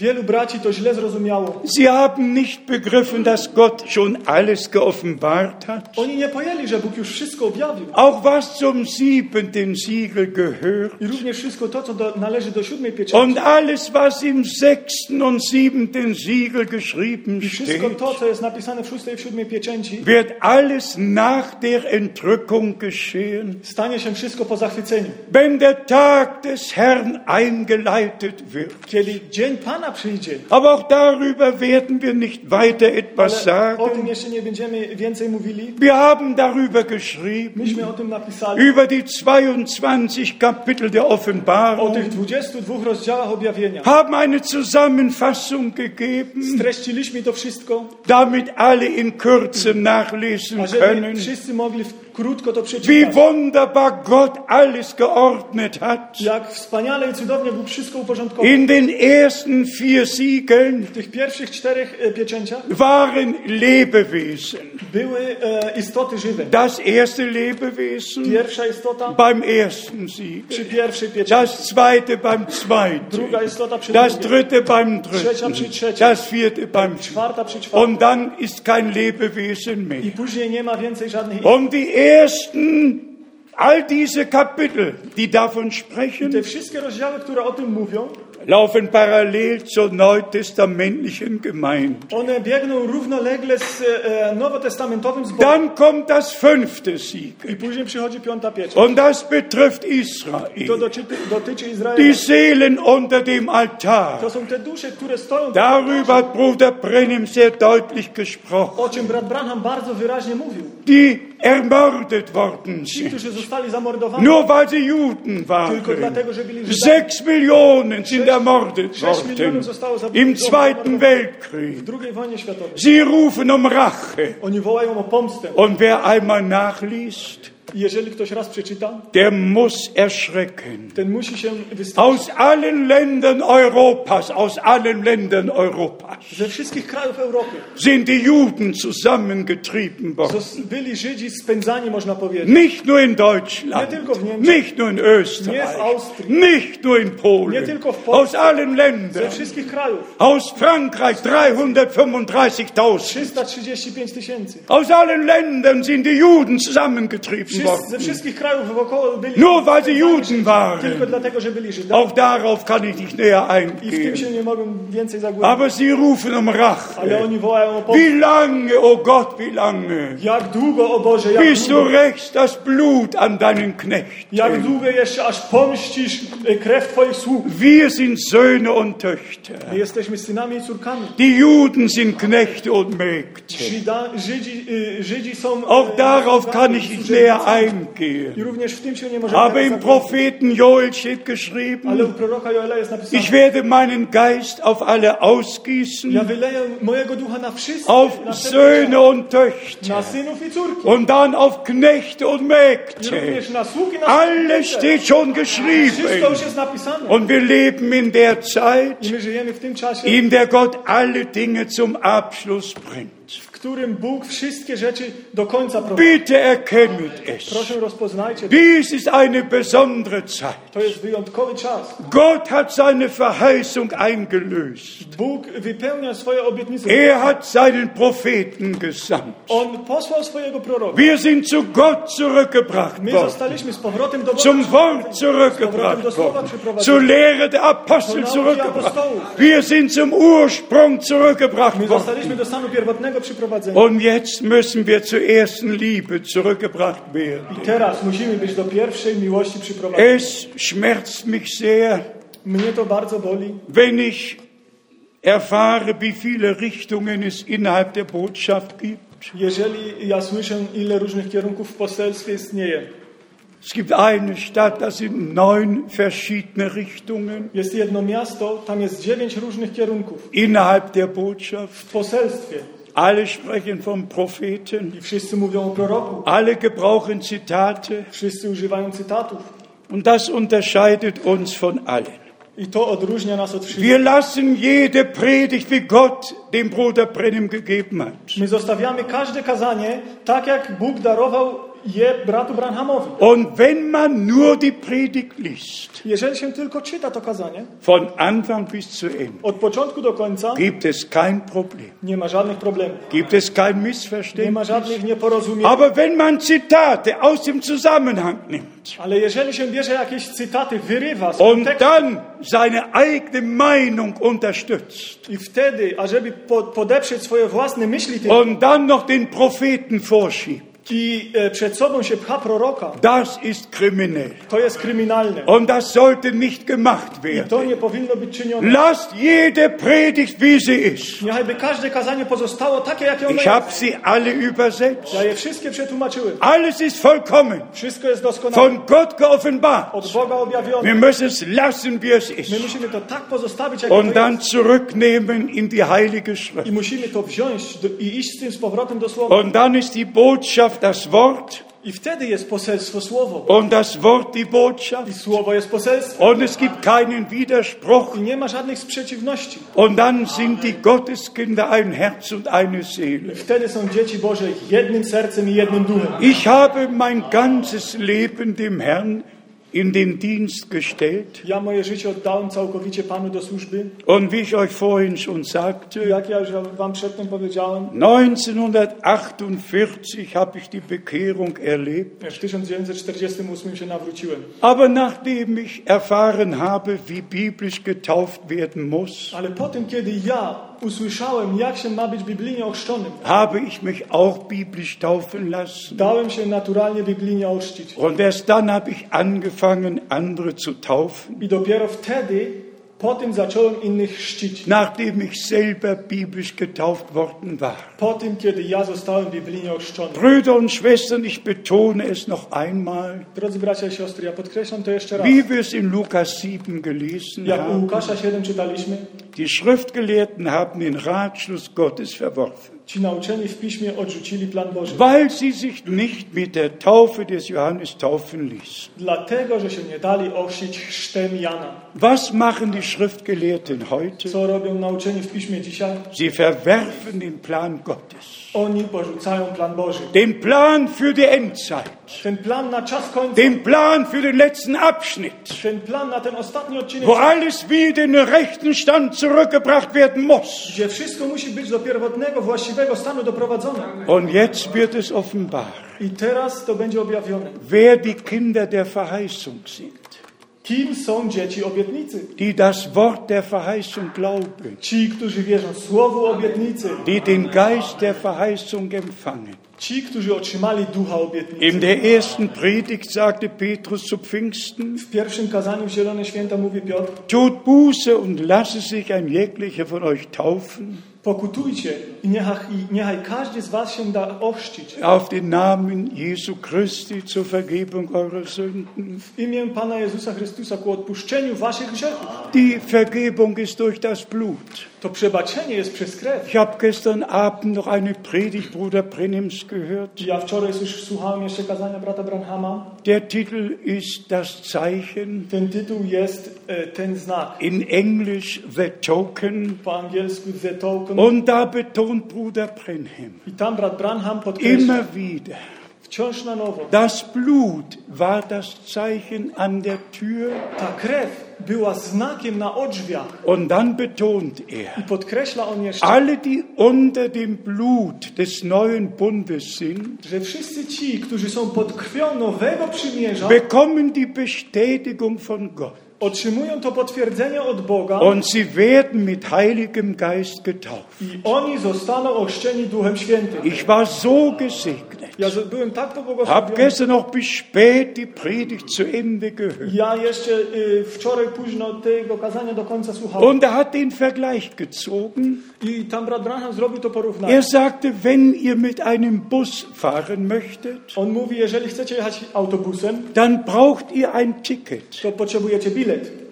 Und wenn ihr das Ticket habt, Jeżeli macie ten bilet, Dann könnt ihr einsteigen. to możecie wsiąść. Ihr braucht nicht mehr Portemonnaie zu ziehen. Nie musicie wyciągać portmonetki. Nein, ihr müsst vorher das Billett haben. Wy musicie przed tym bilet mieć. Und dann könnt ihr I einsteigen. wtedy możecie wsiąść. Und Bruder Brennim zieht den Vergleich I brat Branham porównuje und sagt, wer durch das Blut erlöst ist, i mówi, kto jest poprzez krew zbawiony, durch das Blut des Lammes, poprzez krew baranka, durch das Blut des neuen Bundes, poprzez krew nowego wer przymierza, wirklich gläubig geworden ist to naprawdę stał się wierzącym und sich biblisch taufen lässt, i się dał biblijnie auf ochrzcić. den Namen des Herrn Jesus Christus. W imię Pana Jezusa Chrystusa. Der bekommt die Bestätigung von Gott. Gott. Ten otrzymuje to potwierdzenie od Boga. In der Taufe des Heiligen Geistes. Chrzcie Duchem Świętym. Wenn wir uns taufen lassen, Jeżeli się dajemy ochrzcić, dann bestätigen wir, dass wir Jesus Christus angenommen haben. to potwierdzamy my, że przyjęliśmy Jezusa Chrystusa. Wenn wir geistgetauft werden, Kiedy jesteśmy ochrzczeni Duchem dann Świętym, bekommen wir die Bestätigung, wtedy dass otrzymujemy der potwierdzenie Herr uns angenommen hat. tego, że Pan nas przyjął. Zuerst nehmen wir ihn an Najpierw przyjmujemy my und Jego dann gibt er uns das i Zeugnis, później On składa nam dass er świadectwo, uns angenommen że hat. On nas przyjął. Und wir haben es ja gelesen I myśmy czytali in Epheser 1, u Efezjan 1, Vers 13. wiersz 13. Nachdem wir das Wort der Wahrheit gehört haben Po tym, kiedy słyszeliśmy to słowo prawdy und geglaubt haben, i uwierzyliśmy, sind wir versiegelt worden zostaliśmy zapieczętowani mit dem Geist der Verheißung, duchem oblu- o- obietnicy, przepraszam. Kinder der Verheißung, Dzieci o obietnicy, Wort der słowo Verheißung, obietnicy, Geist der Verheißung. duch obietnicy. Ich wünsche es uns von Herzen, Ja życzę nam wszystkim z serca, dass dieser Tag Frucht für die Ewigkeit bringt, ażeby ten dzień przyniósł owoc na wieczność, dass wir alle erkennen, ażebyśmy wszyscy rozpoznali, dass wir am Ende der Gnadenzeit angekommen sind. że my doszliśmy do końca czasu łaski Und dass der letzte Ruf weltweit ergeht. i że to ostatnie wołanie na cały świat się rozlega. Gott hat die Botschaft auf alle Kontinente dringen lassen. Bóg zaniósł to poselstwo na wszystkie kontynenty świata. Und wie ich vorhin sagte, I jak ja już przedtem powiedziałem, Bruder Brennim hat sieben besondere Reisen gemacht, brat Branham miał siedem wyjątkowych podróży, war in zwölf verschiedene był w Länder, 12 różnych krajach, aber erst nach seinem Heimgang ale dopiero po jego odejściu ist die Botschaft in alle Welt getragen worden. zostało to poselstwo niesione na cały świat. Im April 1966 W kwietniu 66 roku war noch keine Predigt Bruder Brennims gedruckt, ani jedno kazanie brata Branhama nie było wydrukowane. nicht eine Ani einzige. jedno. Es war Bruder Frank. To był brat Frank, der die Brüder który zusammengerufen hat, zwołał braci nach der Beerdigung Bruder Brennim po pogrzebie brata Branhama am 12. und 13. April 12 i 13 kwietnia 1966. roku 66. Und wir haben den Beschluss gefasst, I myśmy podjęli decyzję, dass alle Predigten gedruckt werden müssen, że wszystkie kazania muszą być wydrukowane. weil sie in andere Sprachen übersetzt werden müssen. Dlatego, bo muszą być przetłumaczone w inne języki. Und so hat das Werk Gottes seinen Lauf genommen, I tak z, y, zaczął swój bieg słowo Pana. direkt nach dem Heimgang Bruder Brennim. Bezpośrednio po odejściu brata Branhama. Heute schauen wir zurück in all die vielen Jahre Dzisiaj spoglądamy na y, tych wiele lat und der Herr hat Gnade geschenkt. i Pan darował łaski. So wie er es gesagt hat, Tak jak on to powiedział, die Botschaft wird dem zweiten Kommen Christi vorausgehen. że to poselstwo będzie szło przed powtórnym przyjściem Jezusa Chrystusa. Das glaube ich, Tobias- das erlebe ich. Tego dożywam. Und ich bin nicht nur in 155 Ländern gewesen. Ja nie byłem tylko w 155 krajach. Wir erreichen jetzt über Fernsehen die letzten Länder. My osiągamy poprzez audycje telewizyjne te ostatnie kraje. Aus 88 Ländern Z 88 krajów haben sich Brüder durch Internet gemeldet. przyłączyło się, e, przyłączyli się bracia poprzez internet. Bei der letzten Übertragung hatten wir knapp 800, die sich angeschlossen haben. Było w ostatnim, e, mm, e, w ostatniej audycji na żywo było ponad 800, e, którzy się przyłączyli. waren 700. Äh, noch- 790 Ja. i trochę, prawie 800. Gott hat dafür gesorgt, Bóg się o to zatroszczył, dass seine Botschaft, że Jego poselstwo, das Wort to Gottes Słowo Boże, mit allen Verheißungen ze wszystkimi obietnicami geoffenbart wurde. zostało objawione Und auf diese Offenbarung i na tym ist die objawieniu Gemeinde gegründet. jest o, e, zbór e, ugruntowany. Wir fügen dem Wort nichts hinzu, My nic nie dodajemy do wir słowa. nehmen nichts davon My weg, nic nie odejmujemy od wir słowa. bleiben im Wort. My pozostajemy w Wie słowie. unser Herr gesagt hat, Jak nasz Pan powiedział, wenn ihr in meinem Worte bleibt, jeżeli wy w moim słowie dann pozostaniecie, seid ihr meine rechten Jünger wtedy jesteście moimi prawymi Und wie uczniami. er es gesagt hat, Jak on powiedział In Johannes 17, Vers u Jana, u 17. Jana 17, Heilige sie in deiner Wahrheit. uświęć ich w Twojej prawdzie. Dein Wort ist die Wahrheit. Twoje słowo jest prawdą. Ich habe mit Absicht nichts darüber gesagt, Ja specjalnie nic o tym nie mówiłem, was mit Bruder Brennim alles gemacht wird. co jest czynione z bratem Branhamem. Das kann man nicht berichten. Tego nie można mówić. So viel Menschenkult Tak wiele em, y, y, wywyższania człowieka, hat es auf Erden noch nicht gegeben. y, tego jeszcze nigdy nie było na ziemi. Und ich bin mit großem Schmerz erfüllt. Ja jestem wypełniony wielkim bólem. Und ich habe auch das in der ganzen Welt gesagt. Ja to również na całym świecie mówiłem. Es gibt wohl keinen, der den Dienst Bruder Brennims so von Herzen schätzt. że nie ma nikogo na świecie, który służbę brata Branhama tak z serca szanuje jak ja. Ich weiß nicht, ob er jemand anderem so viel bedeutet wie mir. Ja nie wiem, czy on komuś innemu tak wiele znaczy jak mnie. Und besonders, weil ich von Anfang an mit Bruder Brennim verbunden war, I wyjątkowo z tego powodu, że ja od samego początku byłem z bratem Branhamem aber powiązany. dann wir auch die direkte Berufung bekommen habe.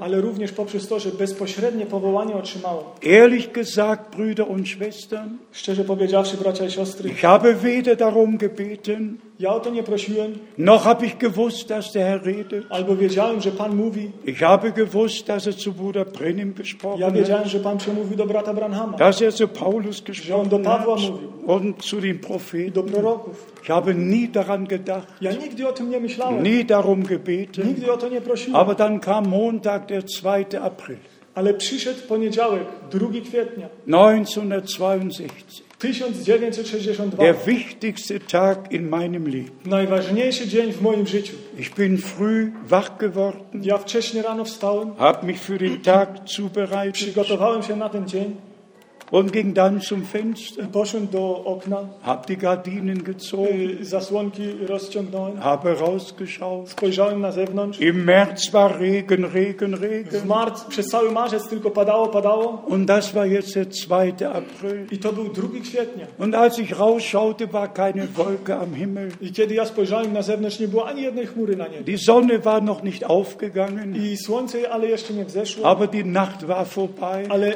noc już przeszła. Ich war irgendwie froh, dass die Regenzeit vorbei ist. I Ja się radowałem, że czas deszczowy przeszedł. Kam zurück in den Raum, Wróciłem, odwróciłem się, wróciłem z powrotem habe do kurz pomieszczenia. gebetet Krótko się pomodliłem, und den Tag dem Herrn hingelegt. położyłem ten dzień Panu Und als ich aufstand i kiedy wstałem, und zum Fenster znowu schaute, spojrzałem do okna. kam von oben rechts die Stimme des Z Herrn góry z prawej strony przyszedł głos Pana. in deutscher Sprache, W niemieckim języku jedes Wort deutlich ausgesprochen, każde słowo bardzo wyraźnie wypowiedziane. jedes Wort der Endsilben betont, überbetont. I każde słowo było bardzo głęboko podkreślone. Mein Knecht, deine Zeit für diese Stadt ist bald um. Sługo mój, czas dla tego miasta się wkrótce skończy. Ich werde dich in andere Städte senden, mein Wort zu verkündigen. Ja cię poślę do innych miast, ażebyś moje słowo głosił. Vom, von der Wucht der Stimme direkt auf den Teppich gefallen. E, Z mocy tego e, głosu upadłem na ziemię, Einfach lang auf den Teppich gefallen, upadłem na ziemię, auf den linken Arm. na lewą rękę. Ich hatte keine Kraft mehr in meinem Leibe. Ja nie miałem żadnej siły w moim ciele. Niemand kann ermessen, was die Stimme des Herrn ist. Niemand, nie, nie, przepraszam, nikt nie może e, sobie uświadomić, e, jaki jest głos Die Pana. Gewalt, die Gewalt der Stimme des Herrn. Jak, jaka potęga w tym, tym słowie, w, tych, w tym głosie. Als ob er sagen würde, es werde Licht und es ward Licht. Tak jak On by wypowiedział, niech będzie światło i stało się światło. Solch ein Absolut in jedem Worte. Absolut, w każdym słowie. Nach einiger Zeit konnte ich mich aufrichten. Pro, po krótkim czasie mogłem wstać. Meine Knie gingen so. Moje nogi się trzęsły. Ich habe mich Ja się festgehalten Also, musiałem mocno trzymać. und habe danach zum Fenster I geschaut spojrzałem na zewnątrz und habe gesagt, geliebter Herr, i powiedziałem, umiłowany Panie, Sie werden nicht auf mich hören. oni nie będą mnie słuchać. Sie haben alles in Hülle und Fülle, Oni mają wszystkiego pod dostatkiem. sind nicht bereit zu hören. Nie są gotowi, ażeby słuchać. Ich hatte gerade zu Ende gesprochen. Ja tylko do końca Da to wypowiedziałem. sprach der Herr zum zweiten Mal, Pan powiedział drugi raz. mein Knecht, die Zeit kommt, Sługo mój, przyjdzie czas, wo sie auf dich hören werden. że będą Ciebie słuchać. Sorget euch ein mit Speise und Lebensmitteln, Zatroszcie się o pokarm, denn es kommt eine große Hungersnot. bo przyjdzie wielki e, e, czas głodu Dann wirst du mitten unter dem Volke i stehen będziesz stał między ludem und die Speise i austeilen. będziesz lo- rozdzielał ten pokarm. Um es ganz kurz zu A machen, żeby krótko to zrobić, powiedzieć, am 3. Dezember 1962 3 grudnia 62 roku hat Bruder Brenim die Worte wiederholt, brat Branham powtórzył te słowa, die der Herr zu mir in deutscher Sprache gesprochen hat. które Pan do mnie powiedział w niemieckim języku Und hat dann im Einzelnen gesagt, was ich zu tun habe. i w- detalicznie mi powiedział, co mam czynić. Insgesamt waren acht Brüder in Jeffersonville, W sumie było tam ośmiu braci w Jeffersonville, die mit den Brüdern gesprochen haben. którzy rozmawiali z braćmi Und besonders mit Fred Sottmann, i wyjątkowo mit Fred, Fred Softman, der jetzt 96 Jahre alt ist. który teraz ma 96 lat. Er hat den Brüdern bezeugt, On poświadczył braciom, dass er 1958 dabei war, że on w 1958 roku als był, Bruder Brennem mir in Dallas, Texas sagte, kiedy brat Branham mi w Dallas, Texas powiedział, Bruder Frank, du wirst nach Deutschland mit dieser Botschaft zurückkehren. bracie Frank, ty wrócisz z tym poselstwem do Niemiec. Er war dabei am 3. Dezember, als Bruder Brennim mir das On sagte. był przy tym, kiedy brat Branham mi to powiedział 3 grudnia. Das habe ich den Brüdern nie so, ich habe sie nicht beauftragt zu gehen, Ja y, nie nakazałem tym braciom, żeby oni odeszli, aber sie sind nach Jeffersonville geflogen, ale y, y, ci bracia polecieli do aus den Jeffersonville, USA, z USA, aus z Kanada, Kanady, aus z Belgien, Belgii, aus Frankreich, Franzi- aus Aus Rumänien, Rumänien, aus Deutschland. Niemiec. Die Brüder sind alle Ci bracia rübergeflogen wszyscy e, polecieli do e, Stanów und Zjednoczonych haben aus dem Munde von Fred Softmann gehört, i słyszeli z ust e, e, Fred Softmana, der als Zeuge dabei war, który był świadkiem przy tym, als Bruder Brennim mir das alles sagt. kiedy brat Branham to do mnie mówił. Aber das Wichtige war ja, Ale to najważniejsze jest, dass zuerst der Herr gesprochen hat. że najpierw mówił Pan, Und dann hat Bruder Brennim das gesagt, was mir gesagt werden musste. I później powiedział brat Branham to, co miało mi być powiedziane. Es gibt sehr viele Brüder, Jest wielu braci, die mit Bruder Brennim zum Jagen gegangen którzy sind, chodzili na polowania z bratem Branhamem, die mit ihm geangelt haben, którzy z nim chodzili na die ryby, mit ihm in den Bergen waren. którzy byli z nim w górach. Aber ich frage euch heute und die Brüder, Ale ja się pytam dzisiaj was i tych braci, wer hat eine Berufung bekommen? kto otrzymał powołanie? Wer hat das Recht, wer hat das Recht, das Wort zu verkündigen? Kto ma prawo głosić słowo? Nur wer berufen ist. Tylko ten, kto jest powołany. Und wer berufen I ist, kto jest powołany, der wird gesandt. ten jest posłany. Und der hat die Botschaft zu tragen. I on musi to poselstwo Und wie nieść. der Herr selber gesagt hat, Jak sam Pan powiedział, wenn ich jemand sende jeżeli ja kogoś posyłam und ihr ihn aufnehmt, i wy jego przyjmiecie, dann nehmt ihr mich auf. wtedy przyjmujecie mnie. Ich habe keine eigene Lehre, Ja nie mam własnej nauki. habe keine eigene Botschaft. Ja nie mam własnego poselstwa. Ich verkündige Jesus Christus Ja głoszę Jezusa Chrystusa als Erlöser. jako Zbawiciela. Gott war in Christo Bóg był w und Chrystusie versöhnte die Welt mit sich i selbst. On pojednał świat z Ich samym sobą. verkündige das ewig gültige Evangelium, Ja głoszę wiecznie e, ważną Ewangelię. so wie es am Anfang verkündigt wurde. Tak jak na początku było to głoszone. Und alles, was Gott durch den Dienst Bruder Brennims geoffenbart hat, I wszystko to, co Bóg poprzez służbę brata Branhama das objawił, beziehe ich mit ein in die Verkündigung. to e, w, e, podciągam i wciągam do głoszenia słowa. Und wie ich vorher gesagt habe, Jak przedtem już powiedziałem, das Wort ist die Botschaft słowo jest poselstwem. und die Botschaft ist das Wort. I poselstwo jest słowem. Und wie wir gelesen haben, Jak myśmy czytali, wer aus Gott ist, to jest z Boga. der hört die Worte Gottes. Ten słucha słów, bo, słów Ich Bożych. habe eine Bitte an euch alle. Ja mam prośbę do was wszystkich. Folgt keinem Menschen, Nie naśladujcie żadnego człowieka. Folgt dem Herrn Jesus Christus. Naśladujcie Pana Jezusa Chrystusa. Glaubt das Wort Gottes. Wierzcie Słowu Bożemu. Seid Kinder der Verheißung, Bądźcie dziećmi obietnicy, die das Wort der Verheißung glauben. którzy wierzą Słowu und obietnicy die versiegelt werden mit dem Geist der i Verheißung którzy będą zapieczętowani Duchem auf obietnicy den Tag unserer Leibeserlösung. na ten dzień odkupienia naszych ciał. Unser Herr kommt bald. Nasz Pan przyjdzie wkrótce. Ich rechne damit in unserer Zeit. Ja się liczę, y, że On przyjdzie w naszym czasie. Tag und Stunde weiß niemand, Dnia ani godziny nie zna nikt, aber unser Herr hat es gesagt. ale nasz Pan powiedział, Wenn ihr seht, dass das alles geschieht, jeżeli widzicie, że to wszystko się wypełni, so hebet eure Häupter empor, wtedy podnieście wasze głowy w górę, weil sich eure Erlösung, bo wasze odkupienie się zbliża. unsere Leibeserlösung naht. Odkupienie naszego ciała. Die Seele ist erlöst. Dusza jest odkupiona. Wir sind Kinder My Gottes. jesteśmy dziećmi Aber Bożymi, gemäß Römer 8 ale według Rzymian wartet die ganze Schöpfung czeka całe auf stworzenie das Offenbarwerden der Söhne Gottes. na objawienie się synów Bożych. Wenn das Sterbliche die Unsterblichkeit Kiedy anzieht. to śmiertelne nieśmiertelność przyo- Brüder przyjdzie, und Schwestern, drodzy bracia i siostry, seid gesegnet im Namen des Herrn. bądźcie pobłogosławieni w imieniu Pana. Der allmächtige Gott Ten wszechmogący Bóg, erhebe sein Antlitz über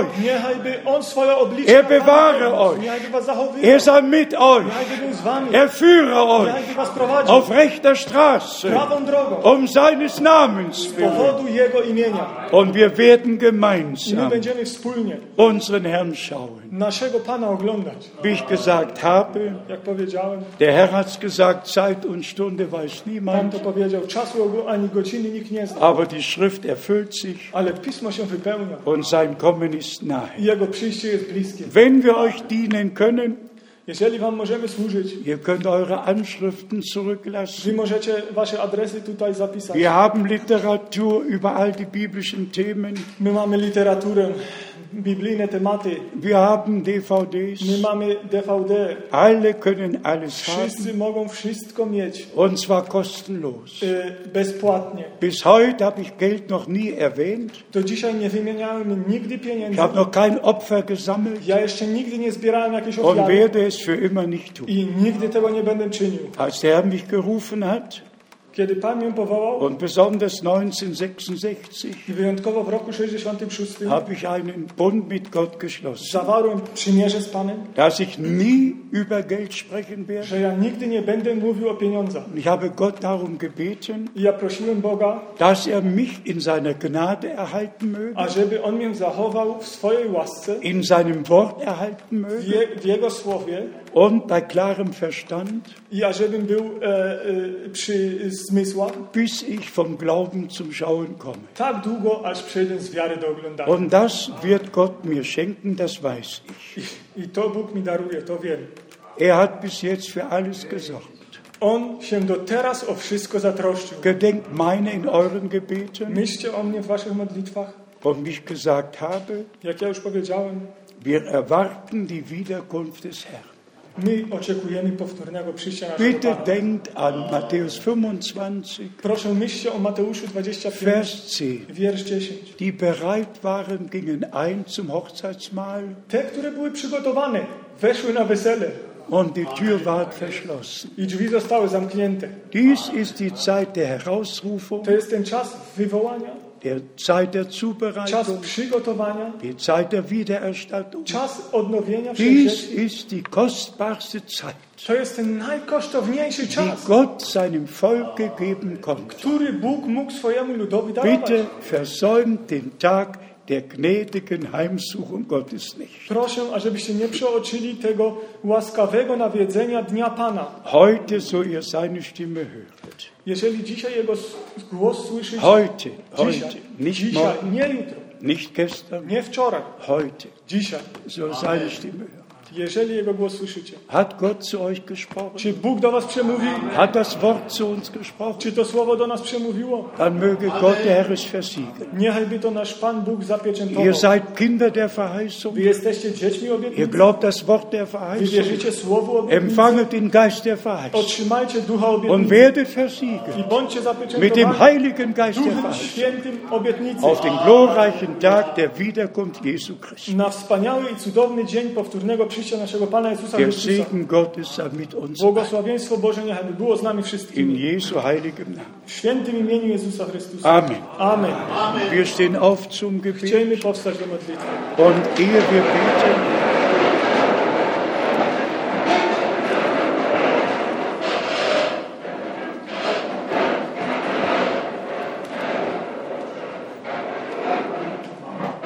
Zanim się pomodlimy, wollen wir alle die Häupter neigen, chciejmy skłonić nasze głowy, unsere Augen schließen, nasze oczy zamknąć, unsere Herzen öffnen. otworzyć nasze serca.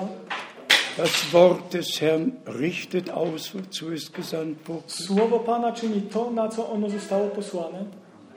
Und während wir unsere Häupter geneigt halten I kiedy my będziemy mieli skłonione nasze głowy und im stillen Gebet verharren i w cichej modlitwie będziemy und niemand umherschaut, i nikt się nie będzie oglądał wokół siebie, lasst mich fragen, ja chciałbym się spytać, ob heute einige in unserer Mitte sind, czy są niektórzy między nami dzisiaj, die ihr Leben dem Herrn noch nicht geweiht haben, którzy swojego życia Panu jeszcze nie oddali, die noch keine Bekehrung erlebt haben, którzy nie dożyli jeszcze nawrócenia, die Gottes Gnade noch nicht erlebt którzy haben, nie dożyli jeszcze łaski Bożej, die noch nicht wiedergeboren sind. którzy nie są jeszcze na nowo zrodzeni. Wenn es jetzt geschehen soll Jeżeli to się ma teraz stać und ihr glauben könnt, i wy możecie teraz wierzyć, dann hebt kurz die Hand. to podnieście krótko rękę. Haben wir einige, für die wir Czy beten mamy können? niektórych, za których możemy się Danke, modlić? danke, danke, danke, Dziękuję, danke, dziękuję, danke, danke, dziękuję, danke, dziękuję,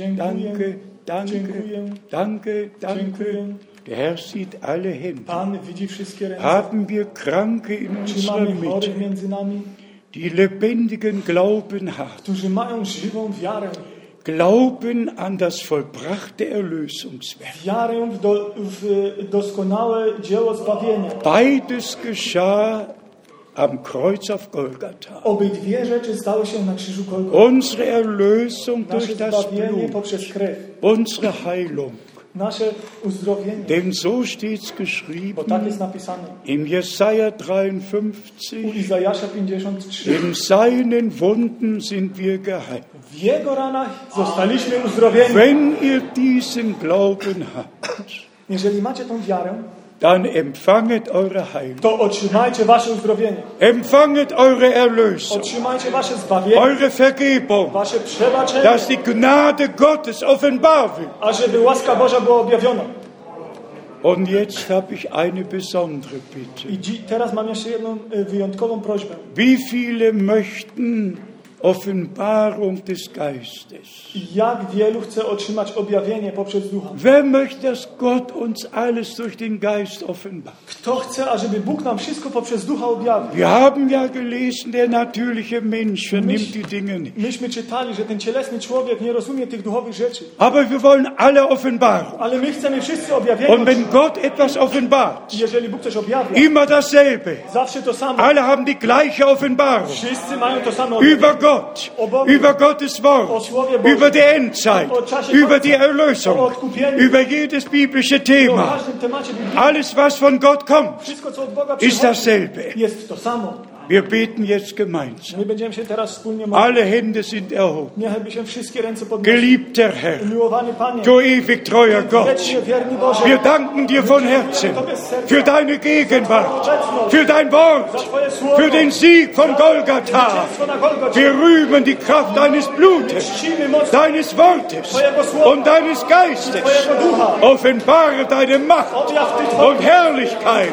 Rette, vergib, wybacza, Heile uzdrawia und segne i alle. błogosław wszystkim. Schenk Offenbarung, Dar objawienia, schenk Offenbarung. dar objawienia Versiegle dein Wort, i zapieczytuj Twoje słowo, versiegle dein Wort zapieczytuj Twoje słowo in deinem Volke w Twoim ludzie durch den Heiligen Geist. poprzez Ducha Wir Świętego. rühmen die Kraft deines Blutes, Czynimy moc Twojej krwi, deines Wortes Twojego słowa, und deines Geistes Twojego ducha.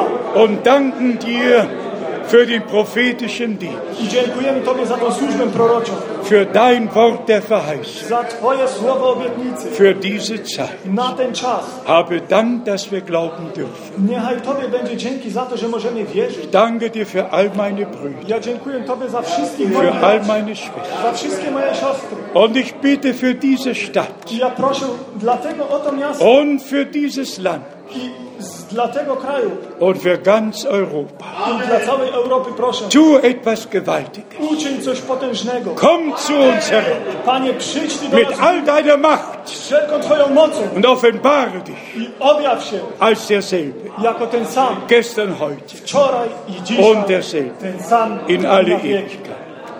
Und alles Volk sage Amen. Cały lud niechaj powie Amen, Amen. Amen. Und alles Volk sage Cały lud Halleluja. niechaj powie Halleluja, Halleluja. Halleluja. Halleluja. Maranatha. Maranatha. Komme bald, Herr Jesus. Przyjdź wkrótce, Panie Jezu. Der Geist und die Braut sagen, komm. Duch i oblubienica mówią Und przyjdź. wer es höret, der sage, komm. Kto to słyszy, mówi przyjdź. Komme bald, Herr Jesus. Przyjdź wkrótce, Panie Jezu. Halleluja. Halleluja. Halleluja. Halleluja. Gelobt sei der Name des Herrn. Wywyższone niechaj będzie i czczone imię Pana. Halleluja. Halleluja. Amen. Amen. Ihr mögt euch sitzen. Możecie usiąść. Ich möchte, Bruder,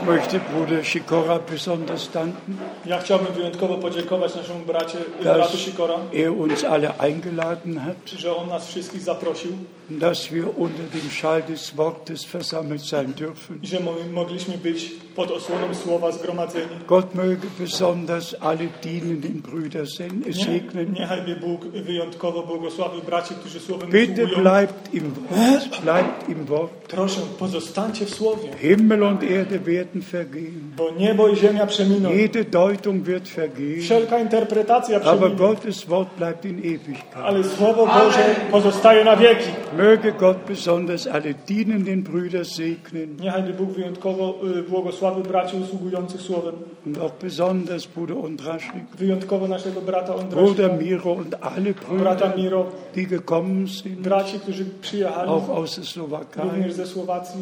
Gott, er segne uns alle. Bóg niechaj by nas wszystkich bro- błogosławił. Und jetzt möchte ich meinem geliebten Bruder Kupka Junior, nicht? Kupka Junior, Junior, junior.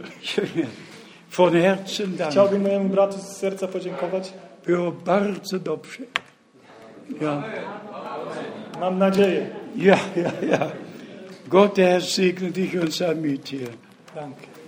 Dziękuję bardzo i z Bogiem. Z Bogiem. Z Bogiem. Dziękuję bardzo. Ja.